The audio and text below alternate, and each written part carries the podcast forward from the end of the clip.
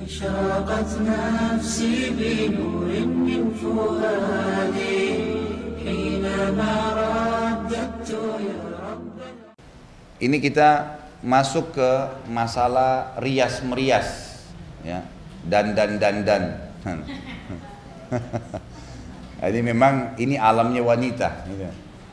Kalau laki-laki berbeda tentunya ya. Jadi perempuan memang suka dan dan segala itu itu normal, itu alami dan itu dibolehkan. Dan dalam banyak riwayat di antaranya hadis Bukhari, Aisyah pernah menggunakan beberapa perhiasan waktu Nabi SAW tanya untuk apa ini Aisyah? Kata Nabi kata Aisyah untuk berhias. Berhias untukmu ya Rasulullah. Ya, memang itu umum boleh saja. Dan ini juga ini juga usahakan berhiasnya itu ala suami, bukan ala orang lain. Ya. Ini penting. Temannya ibu berdandan dengan model A. Suaminya suka begitu. Ya sudah itu model dia. Kalau ibu paksain, ibu bukan dia. Nggak bisa sama. Beda matanya, beda alisnya, beda hidungnya, beda bibirnya, nggak bisa. Mungkin dia cocok kalau pakai lipstick warna pink, mungkin. Nah, kalau mungkin yang satu belum tentu, gitu kan? Mungkin dia lebih cocok yang warna lain misalnya, atau mungkin suaminya lebih suka itu lain. Pernah kasus bu ya, ini kasus yang saya hadapin subhanallah masalah rumah tangga adalah satu kerabat saya. Menikah sudah 22 tahun. Akhirnya mau cerai. Saya kaget kok mau cerai, kenapa ini? Saya duduk sama suaminya gitu kan. Ada apa sebenarnya? Masalah sederhana, karena laki-laki yang nanya dibuka sama dia, gitu kan.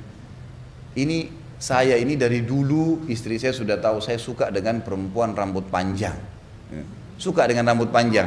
Saya merasa betul-betul terhibur kalau istri saya rambutnya panjang. Banyak masalah kecil, fisik gitu kan. Kalau ibu-ibu mau suaminya mau botak, mau pendek, mau apa, ya biasalah. Kan itu. Yang penting orangnya baik, kan itu. Yang penting dompetnya tebal. Kalau laki-laki lain, fisik itu luar biasa bagi dia. luar biasa pengaruhnya, penglihatan matanya berpengaruh. Jadi ternyata istrinya ini terbalik dari dulu dari masih gadis suka rambut pendek model laki-laki. Suaminya sudah sering bahasakan kenapa kamu nggak panjangin? Itu 20 tahun suaminya minta hanya untuk panjangin rambut. Istrinya merasa nggak penting harus potong. Pokoknya panjang sedikit potong. Dianggap ah sudahlah nggak apa-apa memang saya begini bantah terus. Sampai pada puncaknya meledak satu waktu cerai mau cerai Loh, gara-gara ini saja. Gara-gara ini tapi 20 tahun kan bengkakin hati saya gitu. 20 tahun minta dia rambut panjang nggak mau kenapa gitu. Apa masalahnya rambutnya? Dan saya tanya istrinya kenapa kalau rambutnya dipanjangin kenapa? Kan ada masalahnya. Gerah kan bisa pakai AC bisa pakai kipas angin banyak lah gitu kan. Itu bukan alasan. Tapi memang ternyata setelah saya temukan orang ini ya memang dari awal dia tidak anggap itu hal yang penting ya jadi tidak penting untuk memenuhi kebutuhan suami itu udah hal yang dasar. Bagi dia itu ya sudahlah itu bukan hal yang yang penting. Padahal itu hal mendasar bagi suaminya karena tidak kenal karakter tadi ya. Terus yang kedua, pengaruh-pengaruh dari angin luar nih masuk angin. Jadi angin dari luar ini masuk ke dia gitu. Masalah tidak boleh tidak perlu terlalu patuh sama suami, nggak usahlah berlebih-lebihan tadi, begitu. Akhirnya padahal suaminya ini butuh dengan dia. Pulang itu buru-buru ke rumah, ingin ketemu istrinya. Ini malah nggak ditangkap, nggak peka. Ribut gara-gara itu. Subhanallah, ini kan. Ada kasus yang lain, suaminya ingin hubungan biologis dengan gaya tertentu yang halal, nggak mau. Sampai suaminya datangkan, suaminya faham agama, dibahasakan ke saya, sampai akhirnya terpaksa beliin majalah, beliin gambar, apalah macam-macam sampai akhirnya suaminya liatin cuplikan film dibahasakan ke saya gitu. Tetap juga nggak mau, gitu kan? Setelah suaminya menikah, baru dia nangis-nangis, kenapa begini, begitu, begini, macam-macam. Saya dudukin suaminya, kenapa pak? Ada apa sebenarnya? Ya saya sudah bahasakan ke dia. Lebih dari lima tahun, enam tahun berumah tangga, saya udah bahasakan. Dia selalu nolak dan aneh nolak, tidak ada sesuatu udur di situ. Hanya kena males, hanya kena merasa tidak penting. Ini nggak boleh. Rumah tangga itu hal yang penting dalam rumah tangga kita. Asas masyarakat adalah rumah tangga. Ini asasnya dan asas rumah tangga hubungan suami istri. Nggak bisa. Ini kalau goyang, goyang rumahnya, goyang masyarakatnya. Jadi kacau semua ini, gitu kan? Jadi kacau semua. Itu insya Allah maaf saya bahasakan ini, pelacur-pelacur jalanan tidak ada yang laku itu bu, kalau istrinya melayani benar suaminya. Nggak ada orang yang jajan di luar itu. Saya bahasakan sama, saya sampai duduk berbicara sama beberapa laki-laki. Masalah kasus ini, saya sengaja ingin tahu supaya saya bisa jadikan bahan di ceramah. Seperti apa kalau istri sudah memenuhi kebutuhan biologis? Apa yang saya bahasakan, apa yang mereka bahasakan sama saja. Kita bahkan sampai melihat wanita lain di luar itu sudah biasa sekali, nggak nggak ada keistimewaannya gitu. Sampai pada tingkat seperti itu karena sudah menganggap ya sudahlah apa yang dibutuhin sudah selesai karena pokok dasar laki-laki biologisnya gitu kan baik kembali ke masalah tadi masalah dan dan ini boleh. Tapi usahakan Allah suami. Maksudnya memang untuk dia gitu kan? Allah dan diniatkan karena Allah subhanahu wa ta'ala. Nah dalam dan dan ini pertama tentu masalah suami yang inginkan bukan bukan ala orang lain dan juga ya berhubungan dengan masalah ini selama yang sedang dipakai bahan tata cara itu semua bukan haram boleh. Seperti kita tahu tentu tidak boleh nato kan itu ini dilarang masukkan tinta di tubuh merusak bangunan tubuh gitu kan? Mengubah ciptaan Allah secara total beda kalau merapikan. Gigi nggak rapi pakai behel lain itu boleh. Ini tuh nggak ada masalah merapikan boleh. Ini tuh. Ada Tai lalat yang sangat mengganggu, mungkin besar dekat mata dan harus dicabut itu lain. Tapi kalau merombak itu nggak boleh, merombak nggak boleh, mengubah operasi semuanya itu itu nggak dibenarkan. Kecuali ada ujur-ujur syari, misal luka bakar, ya rusak, hancur, tabrakan itu lain dan butuh itu lain, itu itu ujur syari. Tapi selain ini tidak dibolehkan. Ibnu Umar berkata, saya bacakan terjemahannya, radhiyallahu anhu bahwa Nabi SAW melaknat wanita yang memakai cemara atau rambut pasangan dan yang meminta memakai cemara dan wanita yang menggambar atau mentato kulitnya dan minta digambar kulitnya. Muttafaqun alaih. Jadi ini tidak boleh sambung rambut ya. Itu sering di salon-salon kan ada itu rambut disambung itu nggak boleh. Jadi rambut dia alami gitu kan? Rambut dia alami. Kita bicara secara global jangan bicara khusus. Ada perempuan punya masalah khusus. Misal ada penyakit di kulit kepala atau habis operasi, kemudian rambutnya gugur, nggak ada rumput, sehingga mengganggu hubungan dia dengan suaminya. Bolehkah wanita seperti ini untuk memasang rambut di kepalanya, pakai wig misalnya, itu dibolehkan. Udur syar'i lain. Tapi kalau tidak ada udur nggak boleh, nggak ada udur nggak boleh, kan gitu. Termasuk di sini Orang misalnya maaf, rambutnya keriting, mau dilurusin, sekarang sudah bisa kan? Dan itu tidak haram.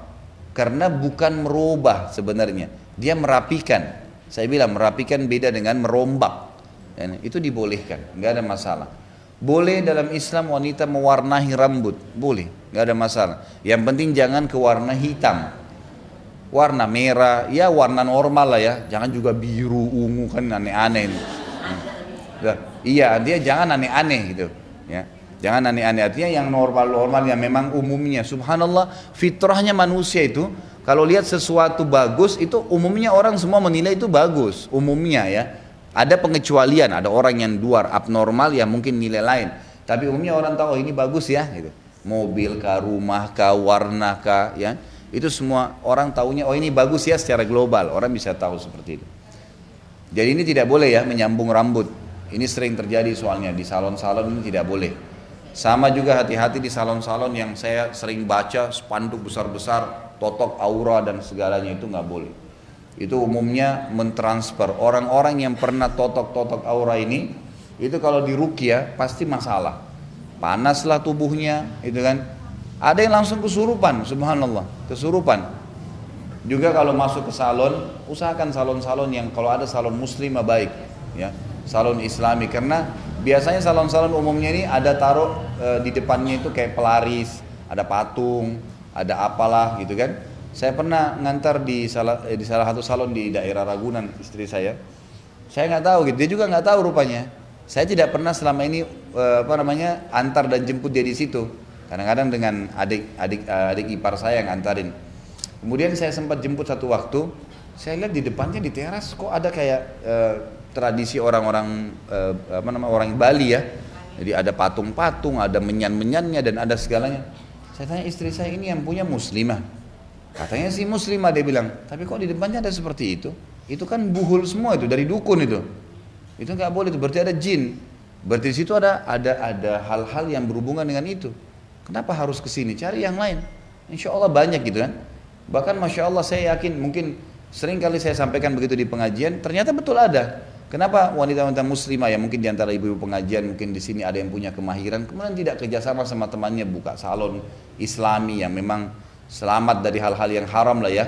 Tidak ada tatonya tidak ada nyambung rambutnya. Yang hukum syari yang dibolehkan silahkan gitu kan? Yang dibolehkan silahkan gitu.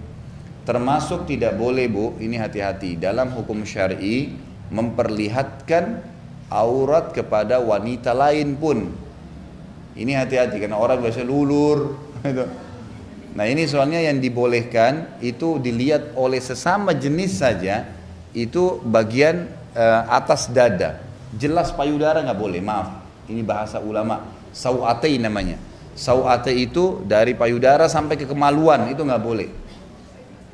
Tapi pundak ke atas, ya, kemudian lengan ke bawah, lutut ke bawah itu masih umum. Tapi kalau selain ini tidak dibolehkan, dibolehkan dan berapa banyak orang yang jadi masalah pada saat itu ya banyak masalah pelanggaran-pelanggaran agama terjadi bukan cuman salonnya kadang-kadang yang pasang pewaris.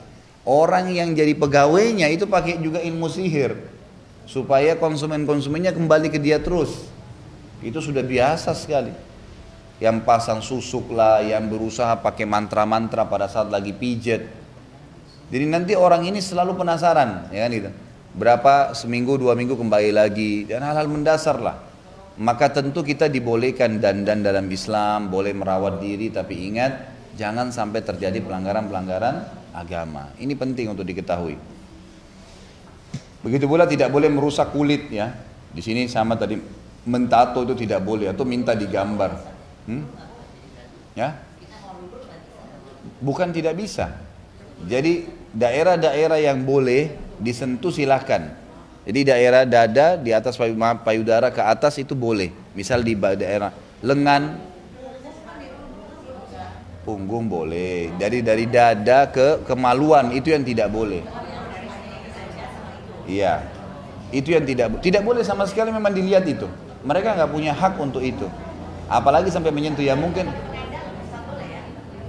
Ya artinya ditutup lah, artinya ditutup ya. Artinya lokasi itu ditutup itu ditutup dan kalau perlu kita sendiri yang melakukannya mungkin di daerah itu kita sendiri melakukannya jadi Nabi Muhammad SAW dalam hadis sahih dikatakan itu paling gemar meletakkan wangi-wangian di tubuh beliau Sallallahu Alaihi Wasallam. Beliau sering e, menyebarkan di tubuh beliau itu serbuk wangi dari negeri Syam.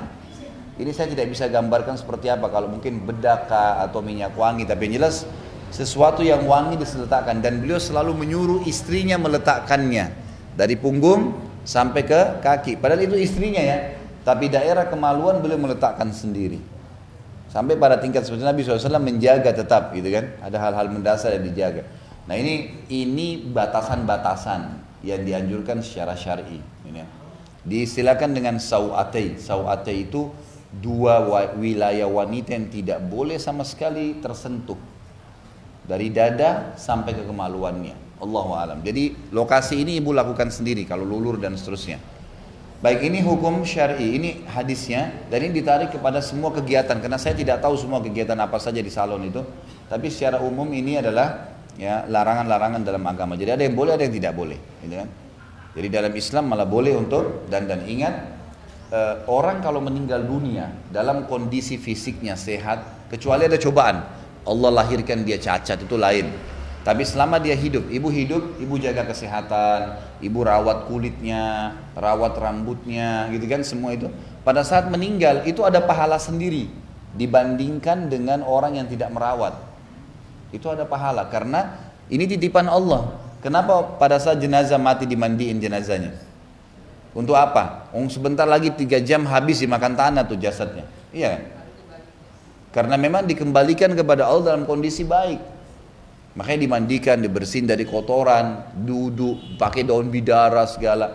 Nah ulama mengatakan kalau ada orang merawat diri bukan karena untuk dilihat orang, karena dia tahu ini amanah dari Allah itu ada pahala sendiri. Jadi kita mandi kayak mandi haid ya, mandi wajib ya, mandi junub, mandi Jumat kalau laki-laki, gitu kan. Terus menjaga badan kayak memotong kuku, memotong bulu ketiak, bulu kemaluan kan ada hukum-hukum syar'i ya, menjaga kebersihan-kebersihan cebok, maaf kalau buang air besar, buang yang kecil. Semua itu adalah perawatan tubuh yang sedang Allah amanahkan. Kalau diniatkan karena ini Allah pinjamkan, saya jaga pahala tuh. Ada pahala sendiri. Jadi makanya perawatan bukan cuma perempuan, laki-laki juga begitu. Sama halnya itu. Makanya saya malah ingatkan jangan sampai karena sudah ikut pengajian, kemudian tersentuh secara imania, berpikir masalah akhirat, lalu tidak peduli lagi dengan masalah hal-hal seperti ini tidak boleh. Harusnya memang diperhatikan. Nah, harusnya memang diperhatikan.